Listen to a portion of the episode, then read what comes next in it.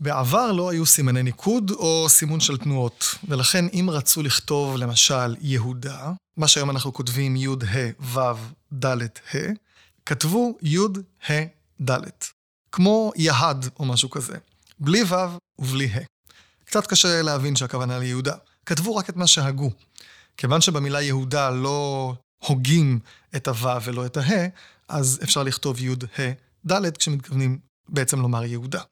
את הכתיב הזה, שהיום נראה לנו מוזר, מוצאים בטקסטים כבר במאה העשירית לפני ספירת הנוצרים, וגם בכתובת השילוח המפורסמת, שם למשל מופיעה המילה החוצבים, בלי ו' ובלי י'. תנסו לדמיין את המילה החוצבים, בלי ו' ובלי י', זה נראה כמו החצבם או משהו כזה. נקפו השנים, ולאט לאט הוסיפו אותיות שעוזרות להבין את מה שכתוב, בעיקר אותיות אהבי המפורסמות, א', ה', ו', י'. למשל, האלף במילה ראש, טוב, יש לזה גם סיבות היסטוריות, לאלף הזאת שכנראה בעבר כן הגו אותה. אה, יש את הה במילה שלמה למשל, או ו' במילה ביתו, י' במילה אבי. דוגמאות ללפני ואחרי רואים בעברית המקראית בשם דוד. דוד בספר מלכים כתוב כמו שרגילים לכתוב היום, ד' ו' ד'. לעומת דוד בספר דברי הימים, שם יש י' אחריה, ו', ד', ו', י', ד'. לא, לא מצוי כל כך היום. כלומר, ככל שנוקפות השנים, נוספות עוד ועוד אותיות עם עוד קריאה, לסייע בקריאה, להבין למה הכוונה. שלא יקראו איזה דוד או משהו, אז מוסיפים י' שזה יהיה ברור שהכוונה לדוד. במגילות הגנוזות, ונדבר על זה בפרק היום, הוסיפו הרבה ו"ים וי"ים. למשל, משה כתבו בו"ו, מ"ו, ש"ה. ראש, שהזכרתי קודם, הם כתבו בו"ו, רש ו"ו א' ש'. ואפילו את המילה כי, כן, המילה כי של סיבה, כ"י, כתבו כ"י-א'. כשהומצא הניקוד נפתרה הבעיה, כי ברגע שיש ניקוד מבינים למה אני מתכוון, אני לא צריך להוסיף עוד כל מיני אותיות כדי להגיד לי שהכוונה פה לאו או לאי. לפני כ-150 שנה, עם חידוש העברית כשפת אם, עלתה שאלת הכתיב. בעיקר לנוכח הקמת אה, ועד הלשון, שזה הגלגול הקודם של האקדמיה ללשון, היו שם דיונים אם צריכים לקבוע כתיב אחיד, כן, לא, למה זה טוב, למה זה רע, נדבר על זה בפרק, והוחלט שכן אה, לקבוע כתיב אחיד. לפני 70 שנה, סמוך להקמת המדינה, פרסמה האקדמיה ללשון העברית את כללי הכתיב המלא. כלומר, איך כותבים בלי ניקוד. לפני כמה שנים שינו קצת את הכללים, זה גם עורר סערה ציבורית לא קטנה, והוסיפו עוד מילוי לכתיב. כאמור, היו ביקורות על השינויים. בפרק הזה נעסוק בכל מיני שאלות שהשינויים האלה מעוררים, אבל לאו דווקא על השינויים האלה, אלא למה בכלל צריך כללי כתיב, שכל אחד יכתוב איך שהוא רוצה, כל זה אנחנו מבינים למשל. נדבר על מאחורי הקלעים של ההחלטה של האקדמיה. נבין למה העברית בעייתית בכל מה שקשור לנושא הכתיב, או מה יש לאחרים שאין לנו בעברית. נגלה למה אימא כותבים ביוד, מה הסיפור של הכתיב צהריים, גם איך הוגים אותה, אבל הוו הזאת אחרי הצדי, זה נראה קצת מוזר, ונענה על הטענה שנשמעת לא אחת, אם כל כמה זמן האקדמיה משנה את הכללים, איך הם מצפים שאנשים יקפידו על הכללים, אם גם ככה יודעים שעוד איקס שנים ישנו אותם עוד פעם. על כל זאת ועוד, בשיחה עם הפרופסור יוסף עופר. אתם על קולולושה מבית מטח, מתחילים.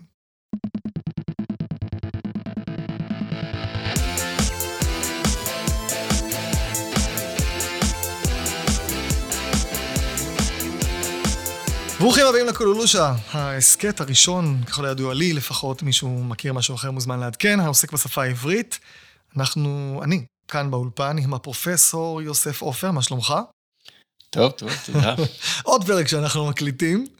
אה, פה אני אציג אותך קצת אחרת, כי התפקיד המרכזי, שאני, שאחד מהם לפחות שלך, ממש קשור לפרק הזה, אז אני אגיד שאתה חבר בוועדת המינוח המרכזית באקדמיה ללשון העברית.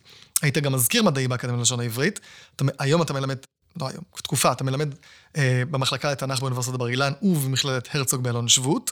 אתה עוסק בחקר המסורה ופרשנות המקרא וכולי, אבל כאן אתה בפרק הזה, בכובע, כובע, אה, שהיית חבר ועדת הדקדוק באקדמיה ללשון העברית, והיית אה, יושב ראש ועדת הדקדוק של האקדמיה כשדנה בהחלטה על כללי כתיב, זה נקרא המלא, אבל כללי כתיב חסר הניקוד החדשים. שפורסמו לפני חמש שנים או משהו כזה, ארבע שנים. ולכן אתה כאן, אה, כן, הנציג של מאחורי הקלעים, מספר לנו מה, מה היה, הדיונים שהיו, לענות על שאלות uh, שמטרידות הרבה אנשים שכותבים, אימא ביוד וסיפור של צהריים, כמו שאמרתי בפתיח. אבל לפני שנתחיל את כל השאלות נקודתיות, בכלל דברים עקרוניים. למה בכלל צריך כללי כתיב? שכל אחד יכתוב כמו שהוא רוצה, כל עוד מבינים אותי. אני אגיד יותר מזה, במקרא עצמו אין, אה, אין אחידות בכתיב, יש את המילה תולדות למשל, אז יש לנו תולדות בלי ו"ים בכלל, יש לנו תולדות בו' אחרי התו וו' אחרי הד', יש לנו תולדות ו' רק אחרי התו, ויש לנו תולדות ו' רק אחרי הד'. כלומר, במקרא עצמו אנחנו רואים את אותה מילה כתובה בכתיבים שונים, בכל זאת אנחנו מבינים, המקרא כשר, התנ"ך כשר, אף אחד לא אומר בואו נערוך אותו. אמ, וגם במהלך השנים, עד שוועד הלשון בעצם החליט, ועד הלשון שכאמור הוא גלגול של האקדמיה ללשון, הוא קבע כללים אה, ברורים לכתיב, לאחד את, ה, לאחד את הכללים. כל אחד כתב איך שהוא רוצה, והייתה ספרות עברית יפה שכתבו באמת ספרות מופתית של... והבינו והכל היה בסדר, כתבי יד של המשנה, ספרות השו"ת, רבנים כתבו אין סוף תשובות וכולי, הכל בסדר בלי שהיה אחידות בכתיב, אז למה בכלל צריך כללי כתיב, אה, אחידות בכללים? נתחיל עם המקרא, דווקא זו דוגמה טובה ומתקשר לדברים שדיברנו על המסורה. נכון שאותה מילה שהזכרת, תולדות, נכתבת בצורות שונות, אבל דווקא שם, משום קדושתו של המקרא, הדברים לא נכתבים כפי שמזדמן, אלא המסורה באה וקובעת בכל מקום. במקום הזה צריך לכתוב בכתיב חסר, במקום הזה בכתיב מלא, במקום הזה בכתיב חסר דה מלא או מלא דה חסר. כלומר, הכתיב בסופו של דבר מוקפד מאוד בגלל הקדושה ובכל מקום אה, כל מילה ספציפית נכתבת בכתיב אחד ויחיד. זה במקרא.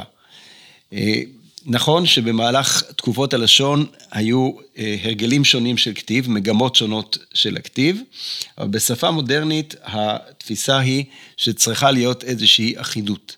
כשם שלבוש יכול להיות מרושל ויכול להיות יפה, ויכול להיות אה, מקום שבו, שבו אה, אומרים, מה אפשר, כל אחד ילבש כפי שהוא רוצה, אבל כאשר דבר רוצה. רוצים שיהיה מוקפד, יש איזושהי נורמה ואיזה חוקים שלפיהם הולכים.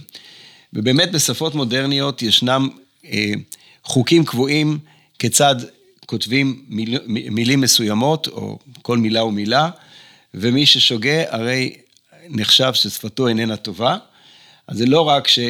אה, יש כללים, אז הכללים עוזרים לנו להבין נכון יותר את הכוונה של הכותב, אלא גם שהנורמה הקבועה אה, היא חשובה. ספר למשל, שבעמוד מסוים מילה כתובה כך, ובעמוד אחריו אותה מילה כתובה אחרת, נחשב כספר מרושל, בדיוק כמו ספר שהכריכה שלו מרופטת, או שהאותיות שלו כתובות בצורות, אה, בצורה לא יפה. אף על פי שבתנ"ך כאמור יש באותו ספר כך או כך. בתנ"ך, וגם גם במשנה, כלומר גם בכתבי יד של המשנה, אותו סופר לא, לא תמיד הקפיד על אותה כן, מילה כל הזמן. כן, ישנן מגמות, אבל נכון שאין שם הקפדה. זה עניין אה, מודרני, שבאמת אנחנו רוצים בסופו של דבר להגיע לאיזשהו, לאיזושהי נורמה קבועה. אגב, זה, יש עוד שפות בעולם שיש שאלת כתיב או שזה רק בעברית? הדיון הזה... יש על... פה דברים שמיוחדים לשפה העברית, מפני שבעברית היחסים האלה בין האותיות לבין סימני הניקוד שבאו אחר כך, ואימות הקריאה שבאות כמעין תחליף, זה דבר מיוחד לשפה העברית, ובאמת אה, בעברית אין כל כך עקיבות. נגיד בערבית יש בהחלט אה, הבדל, הבדל אה, של משמעות בין מקום שכותבים תנועה, מקום שאין כותבים תנועה ואין פה שאלה כזאת, אבל בעברית הכתיב במקורות איננו אה, אחיד, ובתקופה המודרנית ניסו להכניס בו אחידות. למעשה, יש שתי דרכים של כתיב, שהאחת באמת אה, מוסכמת ואחידה מאוד, והכללים שלה מאוד ברורים, וזהו אה, שיטת הכתיב שקראו לו הכתיב הדקדוקי, שיסד אותו דוד ילין, שהיה מראשי ועד הלשון, ומשתמשים בו בעיקר כאשר אה, הטקסט הוא מנוקד. כאן יש כללים מאוד מאוד אה, ברורים וחד משמעיים, שמיוסדים על הכתיב המקראי באופן בסיסי, על העקרונות של הכתיב המקראי.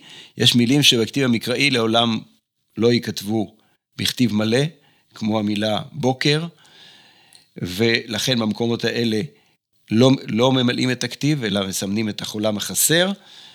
ועל הכתיב הזה של דוד ילין בנוי הדקדוק, כפי שלימדו אותו במשך הרבה שנים, וזאת שיטה מאוד מגובשת.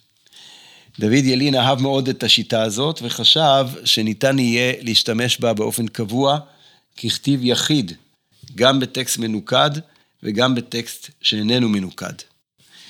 אבל דעתו לא התקבלה, רוב חבריו חלקו עליו, חבריו בוועד הלשון, ואמרו שהכתיב הזה הוא קשה מדי לשימוש, יש פה פחות מדי אימות קריאה, ובטקסט לא מנוקד נוצרים הרבה מקרים לא מובנים.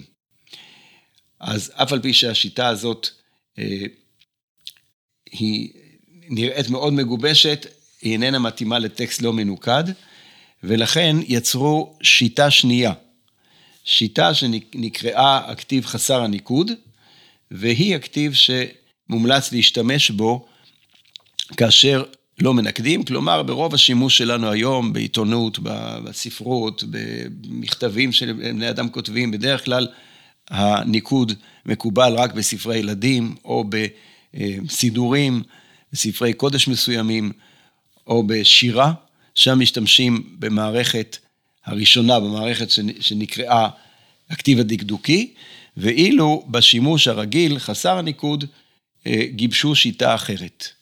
עכשיו, השיטה השנייה הזאת איננה כל כך אלגנטית, היא שיטה של פשרה. היא מתחשבת בכמה וכמה שיקולים ומנסה למצוא איזשהו אה, שביל ביניהם שייתן פעם את היתרון לעיקרון אחד ופעם לעיקרון אחר.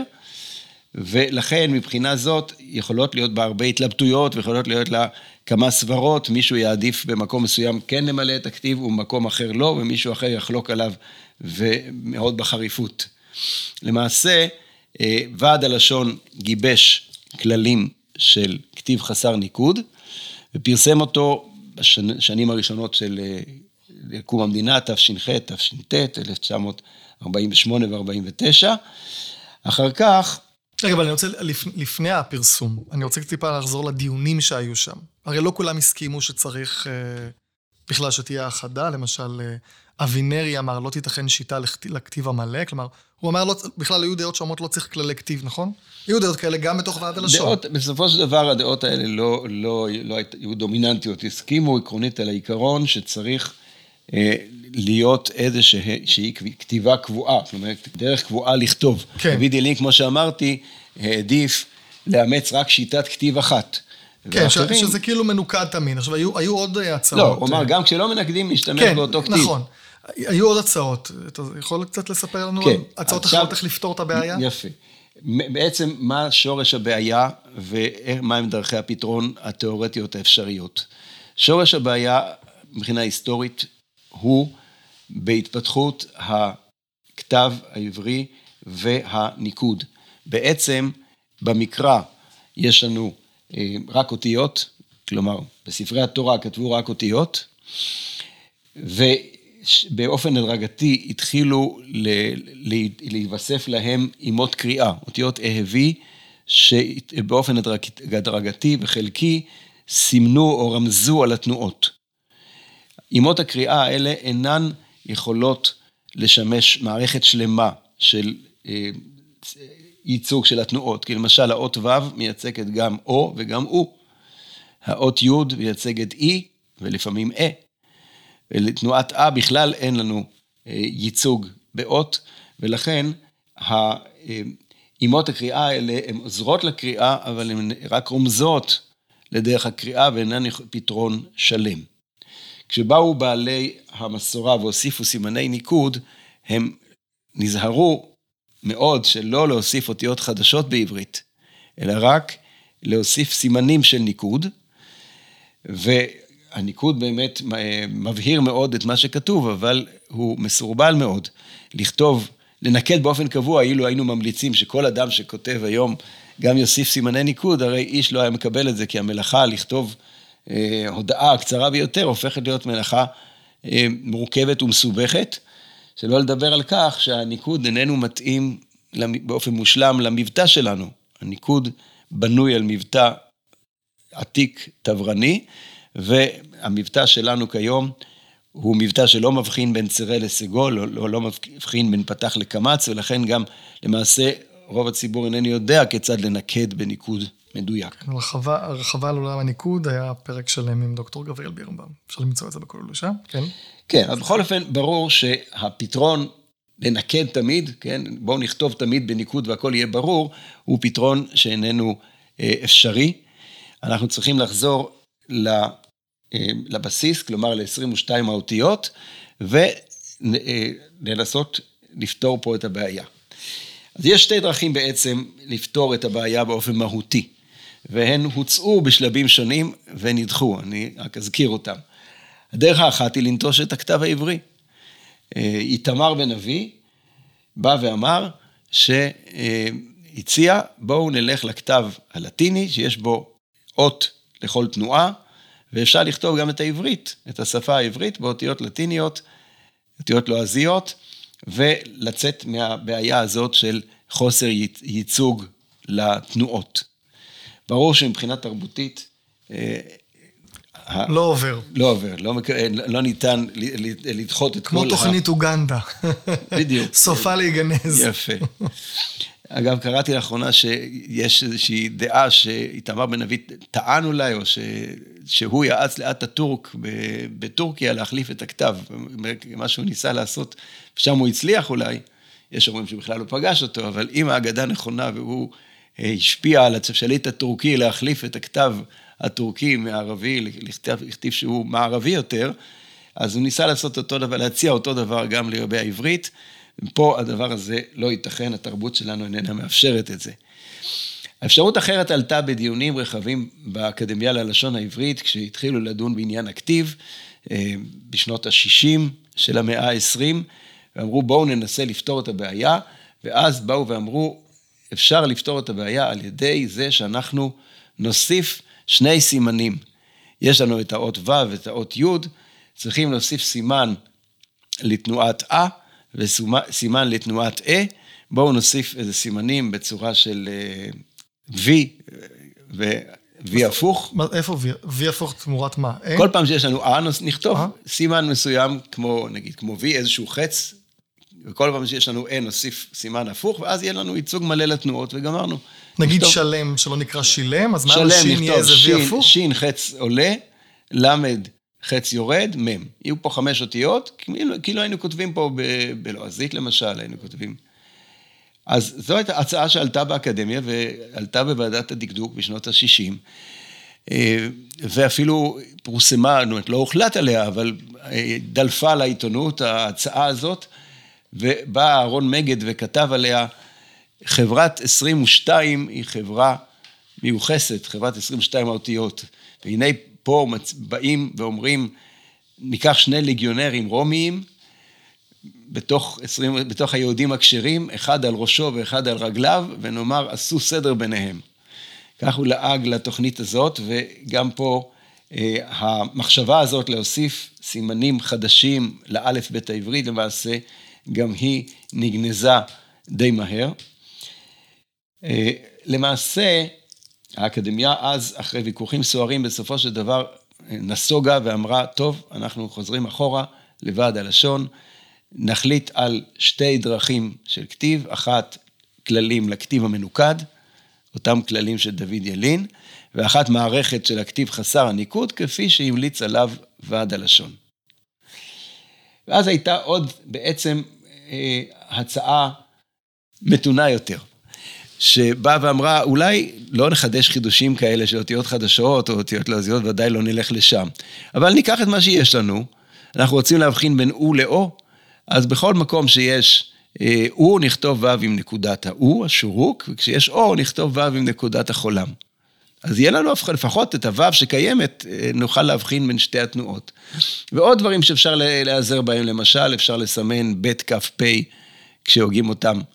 סותמות ב' כ"פ, אה, לסמן את הדגש, קראו לזה שיטת שבע הנקודות. וגם היא, אה, את השיטה הזאת קיבלו באקדמיה, החליטו עליה, והיא נהגה לא בכל העולם, אלא רק בכתב העת לשוננו. במשך כמה שנים יישמו את הדבר. פרסמו את זה לרבים? כן, פרסמו לרבים, המליצו, לא, המליצו על לא, לא שבע לא נקודות, זה בשנות ה-60. לא, איש לא קנה את זה, לא התחיל לכתוב את הנקודות ה-U וה-O. אבל אגב, זה לא פותר לנו את ה-A, שאמרנו שזה... כן, לא אבל אמרו, לפחות מה שניתן לעשות, mm. ניתן לפתור. עד שאמר פרופסור בלאו, במערכת לשוננו כבר לא עוסקים בשום דבר, אלא רק בנקודות האלה. להגיע את הנקודות, להוסיף אותן ולגרוע אותן ולמחוק אותן, וביטל גם את הדבר הזה. אז אם כן, גם הדרך הזאת אה, לא צלחה, ולכן בעצם נקודת המוצא היא שאנחנו צריכים ללכת לדרך של אה, כללי כתיב, כלומר, אנחנו משתמשים באותיות ו' וי' כאימות קריאה, וקובעים מתי להשתמש בהם ומתי לא להשתמש בהם. באופן בסיסי, לתנועת U משתמשים באות ו', לתנועת O בדרך כלל משתמשים באות ו', לתנועת E באות U, באות י', ואנחנו משתדלים, ב- לתנועת E ו-A אין סימון באמצע המילה. זה, זה, זה בעצם הבסיס. לפעמים אלא... מוסיפים א', לפעמים. לא במילים לא, עבריות, א', מילים לועזיות. בסדר, מילים לועזיות זה, זה סוגיה לעצמה. א', לא מופיעה כאם קריאה. א', אה, משמשת אה, כאות נחה בכל מיני צורות. היא מייצגת את תנועת A במילה ראשית, את תנועת E במילה ראשון. את תנועת O בתנועה, כן, במילה, במילה ראש. אז א', היא בעצם מסיבה היסטורית נמצאת שם בדרך כלל, ולא כאם קריאה. במילים לועזיות שקלו, לפעמים כן משתמשים בזה, אבל אין לנו, למילים עבריות, באמצע המילה, באמצע המילה אין לנו אה, אות שהיא תשמש כאם קריאה. אה, במקרים מסוימים לתנוע, נשתמש ביוד גם בתנועת אה, אה, או לא נשתמש בוו, בתנועת או, ובמקרים האלה כללי הכתיב באים להגדיר בדיוק את הפשרות האלה בין העקרונות השונים. אז בעצם מה שאתה אומר זה שיש מצב בעייתי, צריך לתת, צריך לתת מענה, איך אנשים יכתבו, זה לא מסתדר, זה לא מסתדר, זה לא הגיוני, זה לא ייתכן, זה לא יקשיבו. מה שהחליטו עכשיו, או לפני כמה שנים כבר, מזמן, ועדכנו את זה עכשיו, שתכף נדבר על העדכון, אה, זה הרע במיעוטו. כלומר, זה נכון. לא לכתחילה, אין לנו פתרון טוב יותר, זה הכי טוב שיכולנו... בדיוק, זה הדרך האופטימלית שאנחנו יכולים להשתמש באלף-בית שלנו. בצורה שג... שבמידה מסוימת תהיה קריאה, ואנחנו, עובדה היא, נגיד כך, עובדה היא שזה עובד. כלומר, אה, דוברי עברית בדרך כלל מסוגלים לקרוא עיתון, מסוגלים לקרוא אה, ספרים, ורק לעיתים די רחוקות הם נתקעים ואומרים, רגע, איך קוראים את המילה הזאת, מה הכוונה? ברוב המקרים הדובר העברית מתגבר על הדבר הזה. רוב המקרים כן, אבל תביא בחשבון שיש עיתונים והוצאות ספרים שבמודע לא שומעים להחלטות האקדמיה, כי יש החלטות, גם על פי הכללים החדשים, שנקרא להם החדשים, הן החלטות מוזרות, ש- שהן לא עוזרות לה, להבנה, אלא הן מקדשות את הכלל. אם תרצה, אני אתן לך דוגמה. זאת אומרת, אני, אני, אני אומר ככה, גישה שלי לפחות, שנייה, עכשיו איזה מיניפסט. אני חושב שההבנה יותר חשובה מהכללים. אם יש כלל, והוא גורע מההבנה, אני לא אקשיב לכלל, אני אחוג בו ביודעין. למשל, ידע וידע. אם אני לא מכפיל את היוד, אני לא יכול לדעת האם, ולא תמיד המשפט עוזר לי להבין, על פי ההקשר, אם זה עבר או עתיד. על פי כללי האקדמיה היבשים, תמיד כותבים י"ד עין, הן בעבר והן בעתיד. זו החלטה, או ישב וישב, אותו דבר. בילך אין בעיה, כי אין, אתמול זה הלך. אבל במצבים האלה אני אחרוג במודע ואני אכפיל את היוד, לא תמיד אפשר אה, ניקוד חלקי המלצה. האקדמיה צריכה להיות יותר גמישה בכללים שלה ולהגיד, פה, כדי למנוע דו-משמעות, אני אומרת, תכפילו. למה לא? טוב, אז בוא נגיד, בוא ננסח את ויש לי עוד מה להגיד, אבל בוא רק תענה על זה. בוא ננסח את מה שאמרת ונאמר כן. כך. אנחנו יוצאים מנקודת מוצא אחת שצריך להיות כללים וצריך להיות כתיב קבוע. אה, נקודת מוצא שנייה, הנחה שנייה שהכלים שלנו הם מוגבלים, יש לנו את האות ו' והאות י', ואז צריכים להחליט לפי כל מיני עקרונות מתי להשתמש בהם ומתי לא. אנחנו לא רוצים להגיע למצב, נגיד, שכל אי כותבים בי', אלא יש מילים מסוימות שלא כותבים. נגיד, הלביש, כותבים אה, בלי י' אחרי הה'. אגב, למה לא? סתם אני שואל, למה לא? טוב, אפשר, אפשר להציע את הדבר הזה. לא, אבל... למה החליטו שאם יש היא ואז שוונח, אז אין י', למה? יפה. למה החליטו? אז יש פה עניין של הרגלים, עניין של אה, מובנות, ולא רצו ללכת פה עד הסוף. במקרה הזה באו ואמרו, אנחנו לא רוצים להגיע לשיטפון של יהודים בלי סוף, אז במקרים האלה של הברה שנגמרת בשבא, כן, כמו הלביש, לא ייכתב יוד. אותו דבר מפעל ומילים אחרות.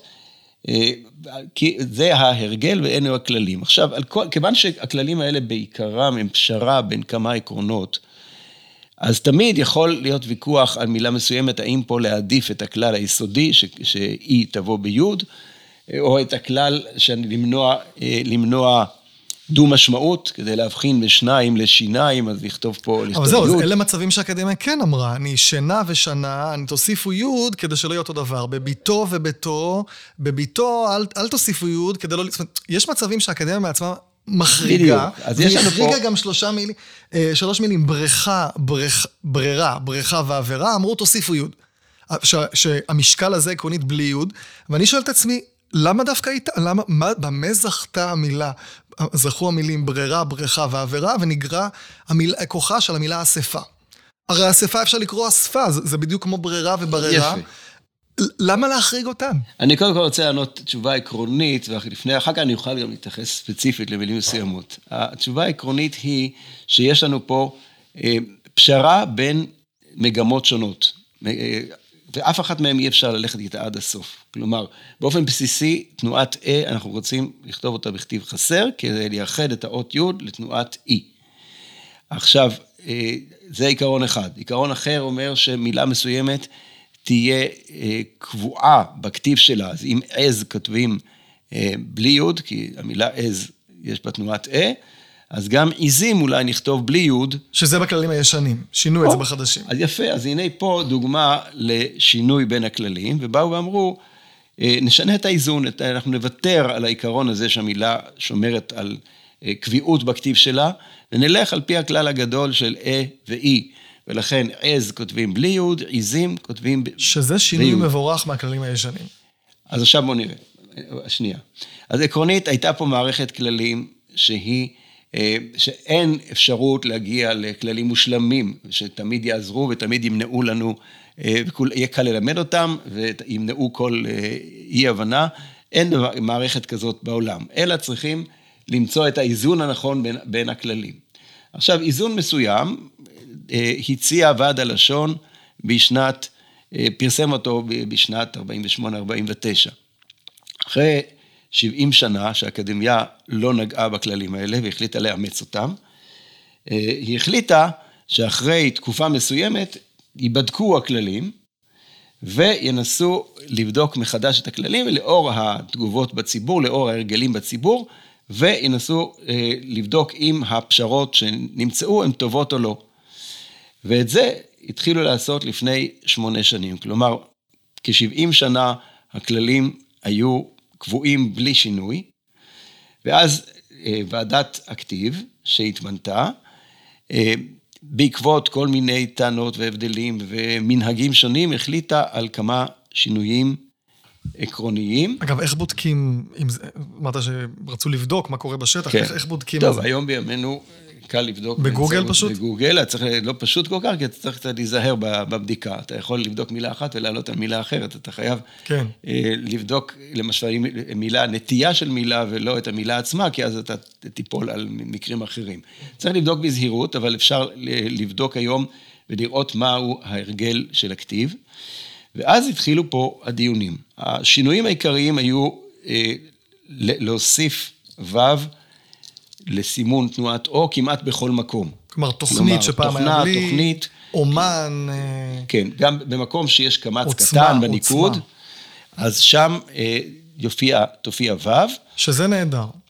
יפה. לא, כולם סמכו על השינוי הזה, זה משהו ש... זאת אומרת, בעצם נקודת המוצא הייתה שהנה אנחנו אה, מחפשים איפה, איזה דברים היו עליהם השגות והיו אה, הוצאות שסטו מהם, ובאו ואמרו, אנשים כתבו תוכנה ויוזמה, כתבו בו'.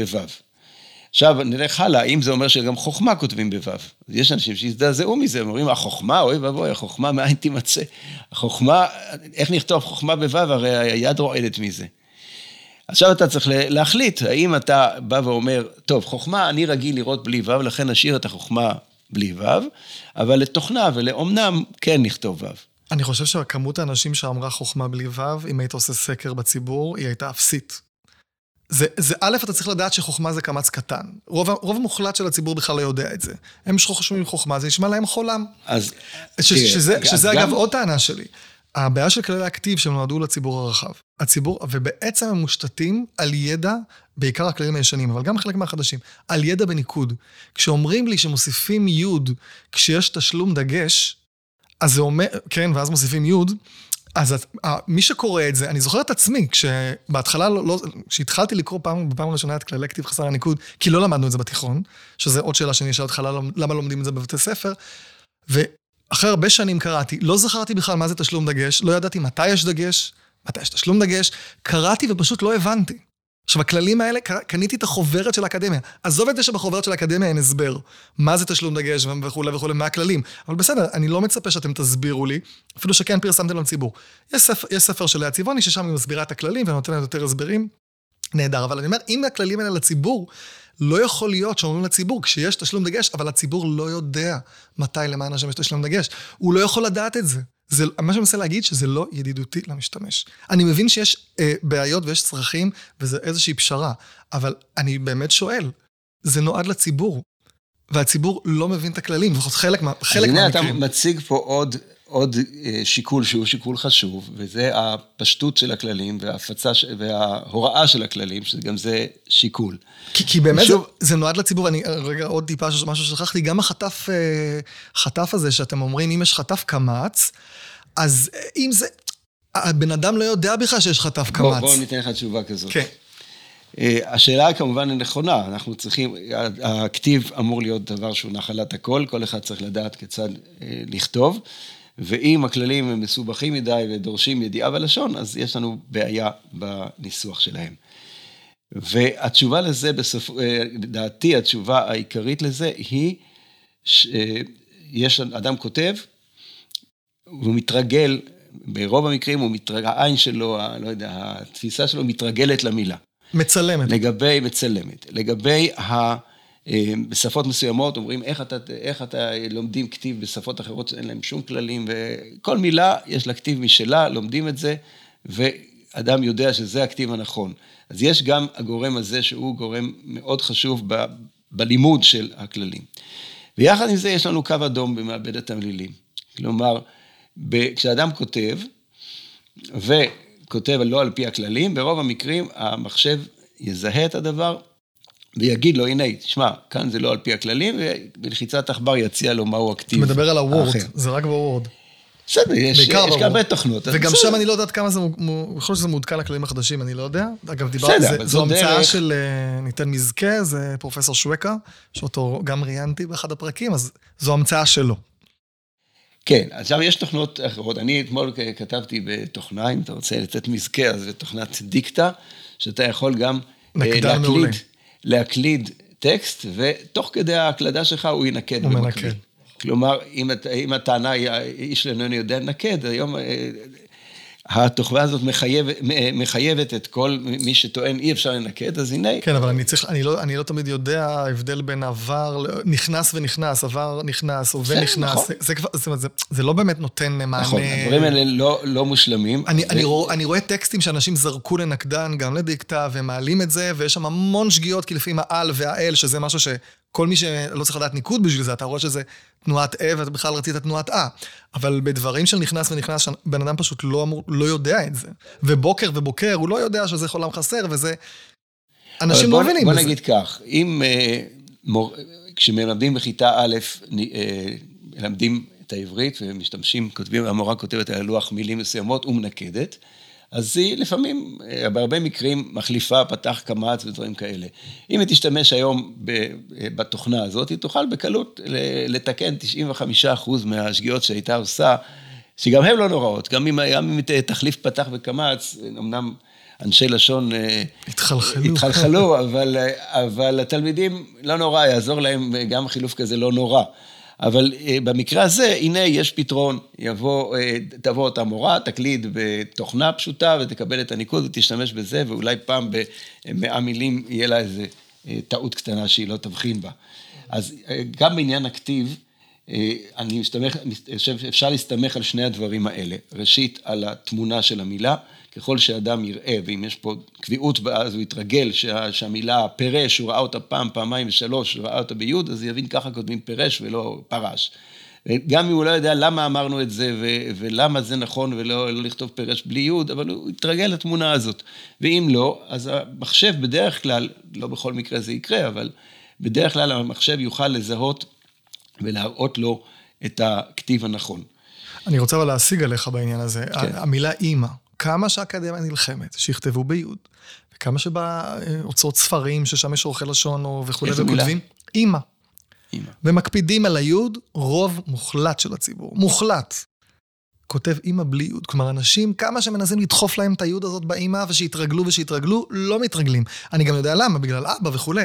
אבל מה שאני מנסה להגיד, ש... או המילה ליהנות. רגע, רגע, בוא נקרא את האימא יוד... ואת החוכמה. אני לא יודע עד כמה אתה צודק, אם בדקת את זה, נגיד, במכשיר, יש לך דברים שתלויים אצלך. פוק חזה, תסתכל, כל, כל, כל אה, מכתב של כל בן אדם. נוכל לעשות, איזה פוק חזה? כשאנשים אומרים לי, אימא ביוד הם בהלם, הם לא מאמינים. מה, למה, מה פתאום? הם, לא, הם מופתעים. יפה.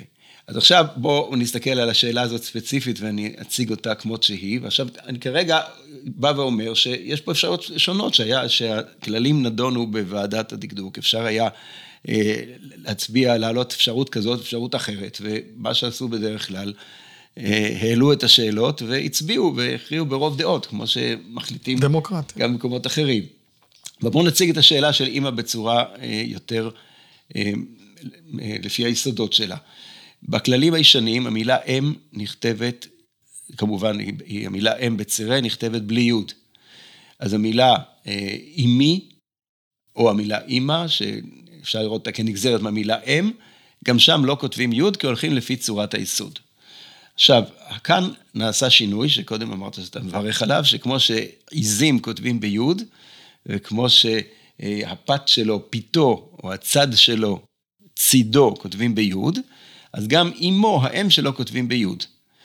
עכשיו אתה בא ואומר, אוי, המילה אימא היא מאוד מאוד, אני מאוד מאוד אה, רגיל אליה, בלי... לא, זה אגב, זה לא שאתה... תחריגו את המילה לא, הזאת. לא, לא אמרתי תחריגו, נתתי דוגמה לזה שמצלמים מילה וזה עדיין לא, לא יפה, עוזר. בסדר, אבל כאן אתה דורש, לפי העקרונות החדשים, אם עיזים ביוד וצידו ביוד, אז גם אימו, האם שלו ביוד, וגם אימא ביוד.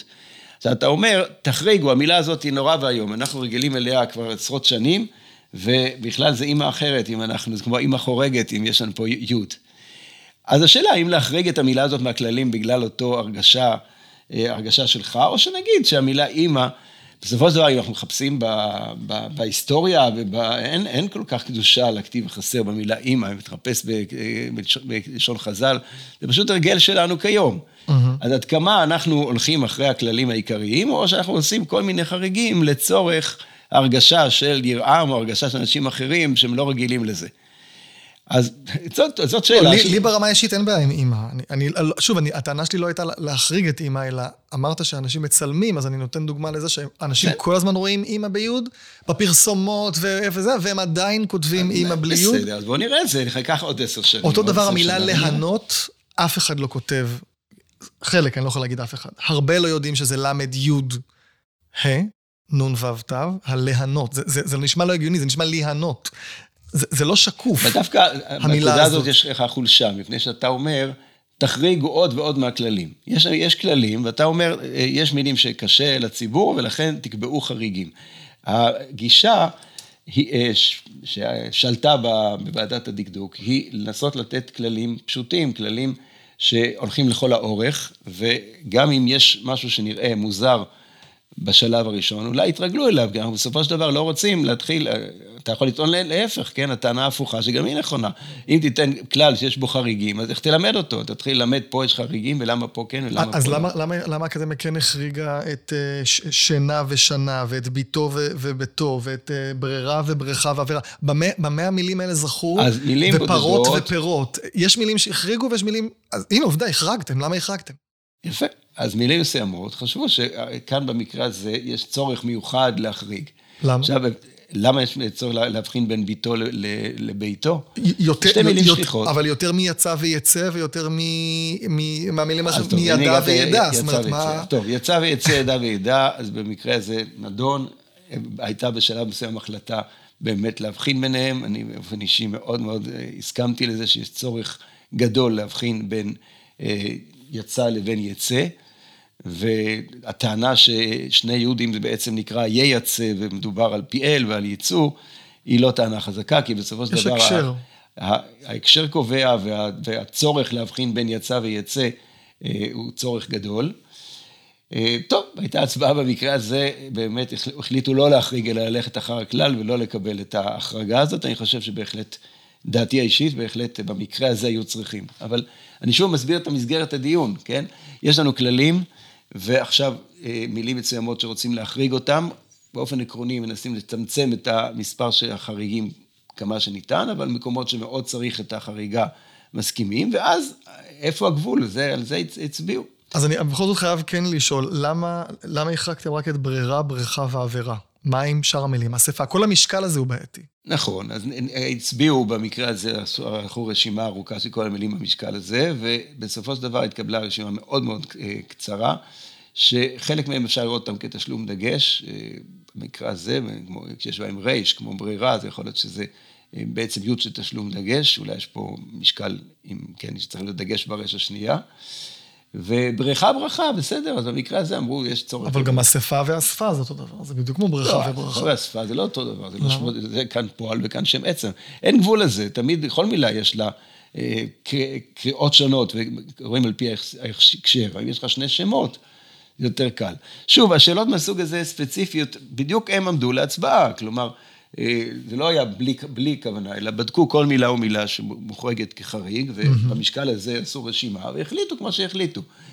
אפשר תמיד, כמו שבתוך ועדת הדידוק היו כשתמכו ביותר חריגים, היו שתמכו פחות חריגים, היו דעות שונות, כי אתה מחליט על המסגרת. יש לנו פה אה, פשרות בין עקרונות, בין אה, מגמות שונות, אתה חייב איכשהו להכריע ביניהם פעם כך ופעם כך. אז אתה רוצה גם אה, לא לשנות הרבה מהכללים הקודמים, וגם ללכת לפי מה שהציבור רגיל לכתוב, וגם ללכת לפי הכלל היסודי ולמעט בחריגים, וגם למנוע דו משמעות, אז זה לא הולך הכל, אתה צריך להחליט ולקבוע על איזושהי פשרה. בסופו של דבר, רגע, רגע, עוד נקודה אחת כן. חשובה שצריך לומר, הזכרתי קודם, שכאשר נקבעים כללים, אז אנחנו מקווים שתיווצר תמונת המילה שתביא את האנשים, שמעבדי התמלילים אה, ילכו בעקבות הכללים ויזהירו מי שחורג מהם ויאמרו לו פה חרגת, וגם הדבר הנוסף, שהוא חלק מהכללים, אה, הוא הניקוד החלקי. כלומר, אם אתה חושש שתיווצר פה, פה טעות, יקראו את המילה לא נכון, עומדות לרשותך, עומדים לרשותך סימני הניקוד, לא בשימוש מופרז, אבל אם אתה רואה פעם אחת בריכה ברכה, אם היית צריך להבחין ביניהם רק על פי הניקוד, היית מוסיף את הצירה. ו... וגם ו... מחזור ומחזור ו... ומנהל ומנהל. יפה, בדיוק ככה. אבל א', תביא בחשבון שבטלוויזיה למשל לא אוהבים לנקד, ניקוד חלקי, ואתם יודעים את זה, האקדמיה יודעת את זה. כשאני כותב וואטסאפ או אני כותב דואר אלקטרוני, בוואטסאפ לרוב האנשים אין מקלדת לליכוד, לי יש ברמה האישית. אנשים לא יודעים לנקד במחשב, כשאתה אומר תוסיפו חריג, זה חריג, אפילו אתם לא, מתלב, לא מתלבטים בין פתח לקמץ שאתם לא יודעים, שניהם, אה, חריג, פשוט אתם שומעים, לא, רוב האנשים לא יודעים איך מנגדים חריג. אבל אני אומר, אני חושב שכלל העל צריך להיות שהכללים נועדו לציבור. זה הכלל המרכזי. ודאי. ואם הכללים נועדו לציבור, והציבור לא יודע לנקד, והציבור לא יודע מתי יש קמץ קטן, והציבור לא יודע מתי, מה ההבדל בין כל לכל, זה כלל, סליחה שאני אומר, משהו שהייתי צריך לבטל אותו, אני הייתי מופתע שלא, לא, מה זה הייתי מופתע? הופתעתי שהוא לא בוטל בכללים החדשים. הרי אתם רואים שיש בוקה מבולקה, שאנשים כבר מתחילים לכתוב כל הילדים בו', אני יכול להראות לך, אני אוסף את הדברים האלה. אנשים כותבים קול בסמיכות, שיש קמץ קטן, אין להם מושג שזה קמץ קטן. אבל פתאום הם רואים הכל, הכל, דוחפים להם את הו' הזה. אגב, רוב האנשים לא כותבים הכל. אבל זה, זה יוצר איזה בלבול כזה, שפתאום כשצריך קול בלי ו' הם כותבים בו', שצריך הכל עם ו' הם כותבים...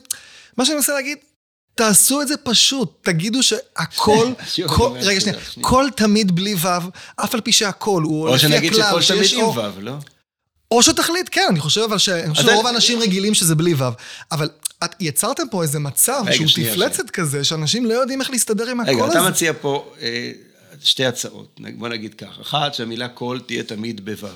או, או תמיד בלי ו', אני הייתי בוחר בלי ו'. הצעה שנייה בלי ו', ואתה בוחר בזה. מדוע אתה בוחר בזה? כי אני חושב שרוב, הבסיסי אומר, כי רוב ההיכרויות של כל זה בלי. הכלל הבסיסי אומר שתנועת או תהיה בו', אז למה לא נגיד ש... אתה גם... אני אגיד לך למה, כי האקדמיה בעצמה החריגה את עם ועם, נכון? אם תלך, או עם הלכתי עם חבר שלי, כן. האקדמיה החריגה את זה מהכלל של כל אי יש יוד. למה? כי רוב מוחלט של העין, כמו שאמרת, מצלמים, תמיד עם ראינו עין מ', מעולם לא הוספנו כן. יוד, כנ"ל אם באלף. אני אומר אותו דבר כל, כל, רוב מוחלט של הפעמים, קוף בכל בכף כמובן, בדרך כלל, רוב, זה בסמיכות. רוב האנשים רגילים לראות את זה בלי וו. אז לכן... אז אני אומר, כמו שהחרגתם את העין, תחריגו את כל. זה כל כך מתבקש. אגב, זה שהכנסת... המילה כל הוחרגה, שהרי אנחנו... לא. כן, הוחרגה כאילו, אבל... ב-95 אחוזים מהמקרים, כותבים את המילה קול בכתיב חסר, מפני שזה ההרגל של הציבור, מפני ש... אף על פי שבאנו ואמרנו כרגע שכל קמץ קטן צריך להיות בו'. התכוונתי, תחריגו אותו המילה תמיד. קול. עכשיו אתה רוצה לומר כך, תחריגו את הכלל הגדול שחולם בו'.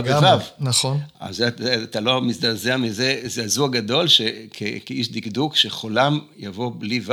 לא. עד עכשיו, אנחנו עכשיו באנו... כי לי יותר. חשוב שאנשים יהיה להם פשוט, שוב, זה מבחינתי, הכלל המרכזי פשוט, זה הפשטות. הכל כותבים בו', נקודה. אבל זה לא רק הכל, זה בכל מכל כל, וזה כל יכול, זה עוד דברים שאנשים לא יודעים. בסדר, אז לא יודעים, יכתבו את זה בלי ו', לא, לא יקרה אסון. הדרך הזאת היא הפשוטה ביותר, במקרה הזה, אני אומר שוב, גם במקרה הזה עלה לדיון, והייתה דעה, הייתה אחת הדעות בוועדה לכתוב, כל הדברים שאתה אומר, הם דברים שעלו. אתה שואל אותי באופן אישי, חבל אני... שאין יותר, באמת, רגע, אני אומר, חבל שאין יותר צעירים בוועדות האלה. באמת, אנשים שהם יותר... מה זה קשור לצעירים וזקנים? אני חושב ש... אני יודע. כמעט בטוח שאם היו צעירים, הם היו מצביעים... לא, אולי הדברים... הצעירים היו אומרים לכתוב כל, אה, תמיד את הוו במילה כל. זה יותר הגיוני מבחינת הכללים, זה יותר, אנחנו אני... כרגע באנו... לכיוון של מילוי, ובא אמרנו שכל חמץ קטן תהיה בו', אבל מבחינה מעשית, קמץ קטן, תסתכל רגע סטטיסטית. בטקסט תיקח כמה קמצים קטנים יש לך בת, בעמוד. ואתה תראה שרובם במילה קול.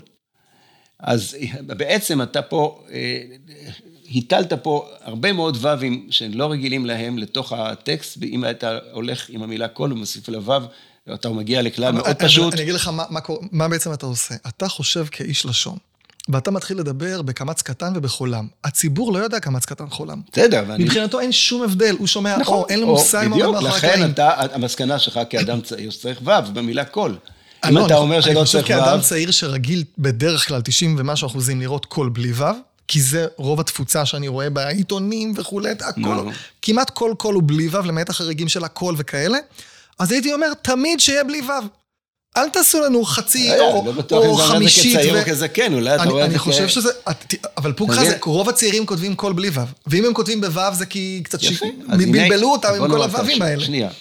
לפי הכללים קבעו שהמילה קול אה, נכתבת בלי וו, והדבר הזה מקובל ברוב הכתבים וברוב הצעירים, אתה אומר גם כן מכירים את הדבר הזה.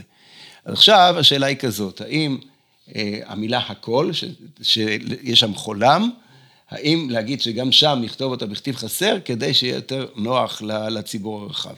אז עדיף לנו במקרה הזה השיקול של לשמור על, על הכללים, לא לשבור את הכלל הגדול שחולם תמיד בו', ואם מישהו יכתוב את זה בלי ו', לא, לא יקרה אסון גדול. אז שוב, אתם, אתם חשוב לכם הכללים על פני הנוחות, ונקודת המוצא שלי שהנוחות לא, יותר חשובה פה, מהכללים. יש לנו פה שקלול בין כמה וכמה גורמים.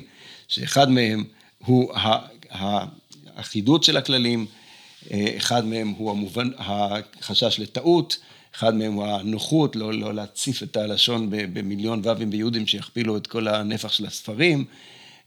יש כמה וכמה שיקולים שצריך לאזן ביניהם. עכשיו, ברור שיושבת ועדה, אז ישנן דעות שונות איך לאזן. בסופו של דבר הגענו לאיזושהי מסקנה, קבענו כללים, אני מאוד מקווה שכמו שהכללים הקודמים שימשו 70 שנה בלי שהוכנסו בהם שינויים. אגב, היה שינוי אחד קטן שחריג, המילה, מילה, החליטו להוסיף ביוד, זה קרה כן, לפני עשרות שנים. היה. זה היה הפעם הראשונה ששינו כלל מכללי הלשון של ועד הלשון. אה, ופה שוב אמרו, השיקול של אה, יבלבלו בין word, בין כן, מילה לבין אה, ברית מילה, הוא איננו שיקול נכון, ואנחנו נלך על האחידות. אבל הכללים האלה היו יציבים, אני מקווה מאוד שלא יקימו עוד שנתיים או חמש שנים ועדה נוספת, אלא הכללים האלה ימשיכו כמות שהם, כמו שהחליטו עליהם, לטווח רחוק. אז גם על זה אני תכף אדבר איתך, ואני רוצה לדבר על צהריים. אתה מחייך. לא, אתה לא מחייך. יש סיפור עם המילה הזאת. כי הכללים החדשים אומרים שצהריים כותבים צדי ו', ה', ר', י', י', מ'. למי שהוגה צהריים. שזה התקן, או צהריים או צהריים, אפשר גם צהריים, ואז אין ו'. כמו שאנחנו רגילים, צדי, ה', ר', י', י', מ', כמו הכללים הכותמים, נכון? אתה בעצמך אמרת. על המילה הזאת אה, הייתה תרעומת מכמה כיוונים. אה, דווקא לא מאנשים שאוהבים, שרוצים לראות במילה הזאת הרבה מאוד ו"ים, אלא בעיקר, יש פה שתי מסורות לשון. האחת אה, קוראת צהריים. הספרדית, ש... אה, אשכנזית התחלת, כן. צהריים, זה אשכנזית. צהריים וצהריים. כמו טאורו וטאורו, נעמי ונעמי, mm-hmm. ושורה ארוכה של מילים כאלה, כן. שיש בהם אה, קמץ בעברה פתוחה, איך קוראים אותם. עכשיו, באופן בסיסי, כשכללי הכתיב אינם באים כרגע, אינם באים להכריע בין מסורות. נכון. לכן, באופן בסיסי, השאלה היא כזאת, אנחנו אמרנו שקמץ קטן, כותבים בו' בדרך כלל. אז אין, אה, מבחינה זאת, נלך עם המילה הזאת, אם ההגייה של המילה היא צהריים, אם זו המסורת, אז היא תהיה בו', מי שהמסורת שלו לומר צהריים, ודאי, תנועת א לא כותבים בו'. מעולה. אז, אז יש ו', אבל החרגתם את ה-או. כלומר, הציבור שומע צהריים, הוא אין לו מושג שפה זה קמץ קטן ושם זה חטף. יפה. הוא לא יודע את זה. אתם מצפים שהוא ידע שיש חטף, ולכן הכלל אומר, שהוא גם כלל קצת מסובך, שאם יש חטף באמצע המילה, אה, כן, מאוד גרונית וכולי, שם אני לא מוסיף. אז שאלה ככה, בואו לא נעזוב, לא נעזוב רגע את שעת הצהריים ונגיד למילה הו עומד. או מחרת. או מחרת. האם אה, אתה, באמת, לפי הכלל הזה, היו באמת, עד, אם לו היו הולכים עד הסוף, אז מחרת, כותבים מ' ו', ח' ו', ר' ת'. או, או לא- להחליט לא... משהו אחר, שבמשקלים האלה יש איזושהי החרגה. יפה, אז, אז בסופו של דבר ככה, השיקול פה היה באמת למנוע אה, שיטפון של ו"ים, אנשים שהצהריים עם, עם שני ו"ים, או המוחרת והעומד, מאוד הפריע להם השטף הזה, ולכן אמרו כך, הכלל נוסח כך, אה, תנועת או שבניקוד מסומלת בחטף קמץ, אבל שוב, הציבור לא יודע שבניקוד יש חטף קמץ. אתם יוצאים מנקודת ההנחה שאני אמור לדעת ניקוד כשזה נועד לעם. נכון, העם פשוט אה, יקב, אה, יראה את ה... יכתוב את המילה הזאת, ומאבד את המילה, יגיד לו איך לכתוב את המילה אתם, הזאת. אבל אתם תולים לא... את כל יהבכם ומאבדת על מילים, זה לא אמור להיות ככה. יש כללים שאמורים להיות פשוטים לציבור, בין אם אני כותב במחשב, בין אם אני כותב בנייד, ובין אם אני כותב על דף. לכתוב את מו חורת בשני ו"ים, הרבה אנשים מאוד אפשר להחליט שלא כותבים בו"ים, כמו שהיה בכללים הישנים. אז שלא. אז כמו, כמו בישנים, שאין שם ו"ים. אז תראה, אתה הולך פה, מכנס פה לסמטה ללא, ללא מוצא, כי אתה, הכלל הקודם אמר כל קמץ קטן לא כותבים בו"ו. הכלל הזה, כיום הכללים צמצמו את זה ורק רוצים למנוע שיטפון של ו"ים. אז עכשיו, יצאו, יש מספר קטן מאוד ונדיר מאוד של מילים, שכולם, אה, כן, נדירות למדי, שהן אה, נכתבות בו"ו אחת. ואנשים ילמדו אותם, אז אה, מי שיכתוב שם שני ו"ים, אני גם לא אפול מהכיסא, אבל לא נראה לי שיהיו אנשים כאלה, בסדר, אתה לא, אתה לא, לא מפחד שהכתיב צדי ו"ו, ה', ובלי ו"ו אחר כך יגרום לאנשים לקרוא צוהריים? הרי יש אנשים עד היום שאומרים צהריים טובים, כי זה ירושה מהכללים הקודמים שלא היו ו"ים, ואז הם חשבו שכתוב צהריים. כשזה לא התקן, התקן הוא לא צהריים. יש שיקול עד כמה אנשים... פתאום זה כמו האמן, שאנשים אמרו אמן כי לא היה ו"ו. אנשים חושבים שהצורה התקנית היא אמן. כשמדברים, רוצים לדבר עברית גבוהה, הם אומרים הוא אמן במקום אומן, כי לא היה ו'. טוב שהוסיפו ו'. אני שואל על צהריים. אני חושב שזה ייצור תפלצת חדשה, שעוד איקס שנים נשמע צהריים. אני לא חושב שהרגיעה הולכת כל כך אחרי כן? ה... אני לא מאמין שזה הבעיה. היו שיקולים כאלה. שוב, שיקולים מהסוג, מה, מהסוגים שאתה מעלה עלו שוב. אני שוב רוצה באופן כללי, התשובה, אני חוזר שוב על אותה תשובה. באופן בסיסי, יש פה כללים שצריך ליצור בהם כל הזמן איזונים. עכשיו, האיזונים יכולים להיות פעם כך ופעם כך, ופעם לטעמו של זה ופעם לטעמו של, של אחר. ולכן, לא יהיה לך פה מצב, אין לך שום דרך אידיאלית. אין מצב אידיאלית, מושלם, זה מה שאתה אומר. אידיאלית מושלמת, שזה גם פשוט וגם נוח וגם מונע טעויות וגם uh, כולם רגילים לו וגם... אין, אין, אין פשוט דבר כזה. אין. ספק שאני לא מקנא במי שישב בוועדה, אף על פי שהייתי שמח להיות חלק מהוועדה ולהכריע, אבל, אבל אין ספק שלא החלטות קשות. אגב, אתה חושב שעוד, אחת הטענות היא, האקדמיה משנה כל הזמן את הכללים. לא, אה, זה קודם כל לא נכון עובדתית, 70 שנה לא שינו את הכללים. מימי הקמת המדינה ועד לפני חמש שנים, חוץ מהקביעה הבודדת לגבי המילה מילה שתיכתב ביוד, לא שינו שום כתיב אה, ושום כלל. כלומר, עוד, עוד 70 שנה או 50 שנה יכול להיות שישנו גם את הכללים האלה, והחליטו שצהריים כן כותבים בו"בים? יכול להיות, אם הדעה הזאת תגבר, אבל באמת אה, אין צורך, אני חושב, אחד, כמו שאמרת, אחד הדברים שנותנים לכללים האלה אה, כוח, זה היציבות שלהם, זאת אומרת, החליטו הכללים, אני מקווה שיניחו להם מספר שנים הגון וילכו על פיהם. יש, יש, יש הוצאות ספרים שכותבות די הרבה הוצאות ספרים, שאליי ועליי הן כותבות ביוד אחת. כן. ואני באמת לא מצליח להבין אותן. למה? זה כל כך מתבקש להחליף את זה, הרי זה עלי ואלי ו- וכולי. למה? מה ההתעקשות הזאת? יש לך מושג? דיברתם איתם? אתם, מדבר, אתם בקשר עם הוצאות הספרים? אני מניח שכן. מה הם מסבירים? המדעית. מה הם מסבירים? למה אנחנו עושים את זה? מה הסיפור שלכם? תעזבו, אמא, אל תכתבו ביוד, בסדר. במקרה הזה, באמת אה, החליטו בדיון הנוכחי לעמוד על הכללים של האקדמיה, אף על פי ש, שהם לא התקבלו במידה נרחבת בציבור, מפני שיש להם בסיס היסטורי. נכון שבמקרא לעולם אין לנו איי כזה בשתי, בשתי יהודים, אבל בכתבי יד של לשון חכמים הדבר הזה מקובל. לא, זה גם מתבקש, זה, זה מונע דו משמעות. ויש פה צורך גדול מבחינת דו המשמעות. בדיוק, לא, אז למה הם לא מאמצים את זה, ההוצאות? מה הסיבה? תפנה את השאלה אליהם, מי שלא... אה, לא אמרתי, אולי בוועדה... זה בעיקר, זה בדיוק מהגלל החוכמה, והאימא שלך, זאת אומרת, אדם אה, רגיל לתמונה מסוימת של המילה, ופה נדבקו לצורה המקראית, שהיא באמת אה, הכי רגילה בארץ, בעין. ולכן אה, במקרה הזה רוצים למנוע דו משמעות, אז מוסיפים את הפתח אה, כתנועת עזר, וזה רק חס ושלום לא יכתוב יהודים.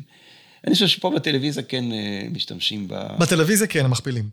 למה בבתי ספר לא מלמדים את כללי כתיב חסר הניקוד, את הכתיב המלא בשם החדש שלהם? למה?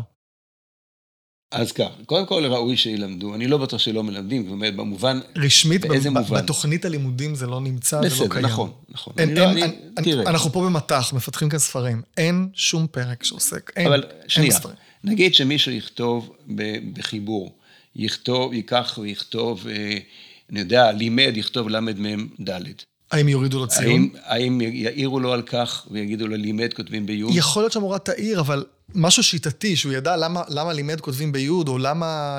זאת אומרת, מה תראה, הכלל, מתי כן או לא. תראה, אז לא קל, אני מסכים איתך שלא קל ללמוד. זאת אומרת, אתה חושב שהטקסט הזה, כפי שפורסם, אה, ניתן ללמוד אותו, ו... אז להפך, אז אני אומר, לכן תלמדו את זה בבתי ספר. אתה דיברת לא, על... אני לא בטוח שזה חומר שמתאים ללימוד בבתי הספר. למה? בסיסי, ודאי שצריך ללמד, אבל לא בצורה... בבית ספר הם לומדים תשלום דגש, זה בדיוק הזמן להגיד להם, הנה תשלום דגש, תדעו ש... זה בדיוק הזמן. אני לא שאני מתנגד, אני ודאי אשמח שילמדו. אני חושב שהמטרה צריכה להיות שאנשים ישתמשו נכון בכללים, גם אם לא ילמדו אותם בנוסח הזה. ברור שהנוסח שמנוסח בכללי האקדמיה, הוא לא נוסח שמיועד ללימוד בבתי הספר כמו שהוא. צריך למצוא דרך איך אה, לנסח את הכללים הבסיסיים, כדי ש... הרי בסופו של דבר, אם אתה לוקח איזשהו טקסט בעיתון, הוא מחפש עד כמה הוא מתאים או לא מתאים, גם אם זה לא עיתון שעבר הגהה מדוקדקת על פי כללי האקדמיה, גם איזשהו, גם אם אתה לוקח כתיבה מקרית אה, של, אה, באינטרנט, ברוב היסודות הגדולים זה יתאים. כלומר, אנשים יכתבו לימד בי' בדרך כלל, ויכתבו, אני יודע... בוקר בו'. בוקר בו', וישמור בו'. אבל אספה, אספה יכתבו. אספה יכתבו כך או כך, נכון. אז עכשיו, ברור שכדאי, אני רוצה להגיע לכך שהכללים, הצורה שבה הציבור יכתוב, ילמדו בבתי הספר, תהיה קרובה ככל הניתן לכללים האלה. איך יעשו את זה בדיוק? יחשבו מורים, מה כדאי לקחת מתוך זה ומה לא. ומה לסמוך באמת על, על מעבדי תמלילים, כלומר, שאדם כותב אני חושב שזה מספיק. זאת אומרת, המילה, ילמדו על מילה כל שכותבים אותה בלי ו', והמילה הכול בו', אז זה כבר מספיק, ודאי אפשר יהיה ללמד את זה וזהו. אה, אפשר להסביר מה זה כול יכול ולמה שם כן נדרש ו', זה בסדר, מי שיכתוב כך. אני עד היום לא יודע אם כלבו כותבים... אה, כלבו אני חושב, כן. מה הניקוד של כלבו אני לא סגור, אם זה קמץ קטן או חולם, ראיתי כך, ראיתי כך, ראיתי מילונים וזה, וזה משפיע כמובן על הכתיב, אבל עזוב את זה. כללי התעתיק זה קשור לעניין או שזה, לא, או שזה לא קשור? קשור, אבל הארכנו כבר מספיק. הארכנו, בסדר. אז דבר אחרון, אה, שאלה שאנשים אוהבים לשאול, שמות פרטיים. רק תגיד במשפט, מה, מה הדין של שמות פרטיים? איך כותבים? אפרים, מכפלים את היוד נווה, מכפלים את הוו. ו... אז כשם שלא כופים אדם להתחסן, אה, גם בינתיים. אם המערכת חושבת ש, שראוי שכל בני, שהציבור יתחסן, אז גם לא כופים את כללי הכתיב בכוח על שמו הפרטי של אדם. אה, אם יבוא מישהו ויתבאץ בי איך לכתוב את ה... איך לכתוב את שם בנו... רותם, נווה. רותם, נווה, מעיין. אז בהחלט אני חושב שהייתי ממליץ, כן, לכתוב על פי הכללים, אבל אם הולך לו, במיוחד שמות קלאסיים, אהרון, משה, יש להם כתיב שמורגל ו... מושרש. מושרש, נכון. אז, אז, אז לכן, כללי הכתיב באופן רשמי mm-hmm. באו ואמרו, אנחנו לא, לא עוסקים בזה. אומרת, אדם יכתוב את שמו כפי שהוא רוצה, אנחנו לא נתערב בזה. אבל אה, ככל שאני, אני חושב שבכל מקרה שהוא לא מובהק, והוא לא, אה, אז בהחלט ראוי לכתוב על פי כללי הכתיב. אם היו שואלים אותי, נועצים בי, כל אדם זכותו לכתוב את שמו כפי שהוא, אבל אם שואלים אותי מה, מה כדאי, אז כדאי להיצמק לכללים האלה. אני הכרתי מישהו שהשם שלו ערן, הוא רצה לכתוב את השם שלו בנון רגילה, לא בנון סופית, והמדינה לא הסכימה להכיר בשם שלו. כתבתי על זה טור באתר לשוניאדה, שמספר את כל הסיפור שלו עם מסמכים, והוא פנה לבתי משפט. בכל מקרה, אז אהרון זה בלי ו'? כי זה כתיב מושרש? כי משה זה בלי ו'? תראה, לפי המסורה יש חמש פעמים בתנ"ך שהשם אהרון כתוב בו'. אה, אז אפשר. זה כמו פנחס שאפשר, אה, עקרונית פנחס זה ביוד, אבל יש פעם אחת בלי יוד, אני חושב. או בדברי הימים משהו. טוב, פה, פה חזרנו לנושא של בעלי המסורה שדיברנו ב... כן, אז, אז כתוב כך, במיוחד, הכללים אינם חלים בהכרח על שמות פרטיים, במיוחד שמות פרטיים בעלי מסורת כתיב המשתלשלת לאורך הדורות, כגון יעקב, משה, אהרון, כך כתוב בכללים. וזה, אני חושב, פשרה נכונה. תודה רבה. היה לנו פרק ככה יותר אה, זה מהשני, מהשניים הקודמים, אבל היה פרק מעניין. תודה רבה על הזמן ועל הנכונות ועל ההשקעה של שלושה פרקים. אה, עוד, פרק, עוד הרחבות באתר לשוניאדה, יש קבוצת פייסבוק, קולולושה, תיכנסו, תמצאו בפייסבוק. אני רם נתניהו מאולפן מט"ח, המרכז לטכנולוגיה חינוכית. תודה רבה לגדעון פרידה הטכנאי. שוב תודה רבה לך, פרופ' יוסף עופר, תודה רבה על כל הזמן. והמשך יבוא בפרק הבא.